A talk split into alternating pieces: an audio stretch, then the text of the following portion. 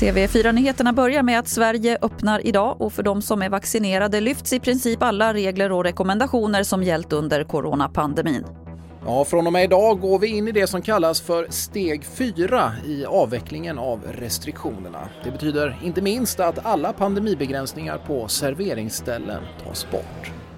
Deltagartaken slopas även för privata sammankomster och offentliga tillställningar, liksom rådet att jobba hemifrån. Regeringens bedömning är att tillräckligt många nu är vaccinerade för att samhället ska kunna öppna upp och att vården kommer stå pall.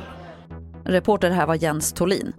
En förskola har totalförstörts i en brand i Norrköping i natt. Vi hör Mats Fredriksson på räddningstjänsten Östra Götaland. Ja, det finns ingen eh, spridningsrisk i någon närliggande byggnad och så. Vi har en kyrka som ligger eh, bredvid där men den ligger på behörigt avstånd så att någon spridningsrisk till övriga delar har det inte varit.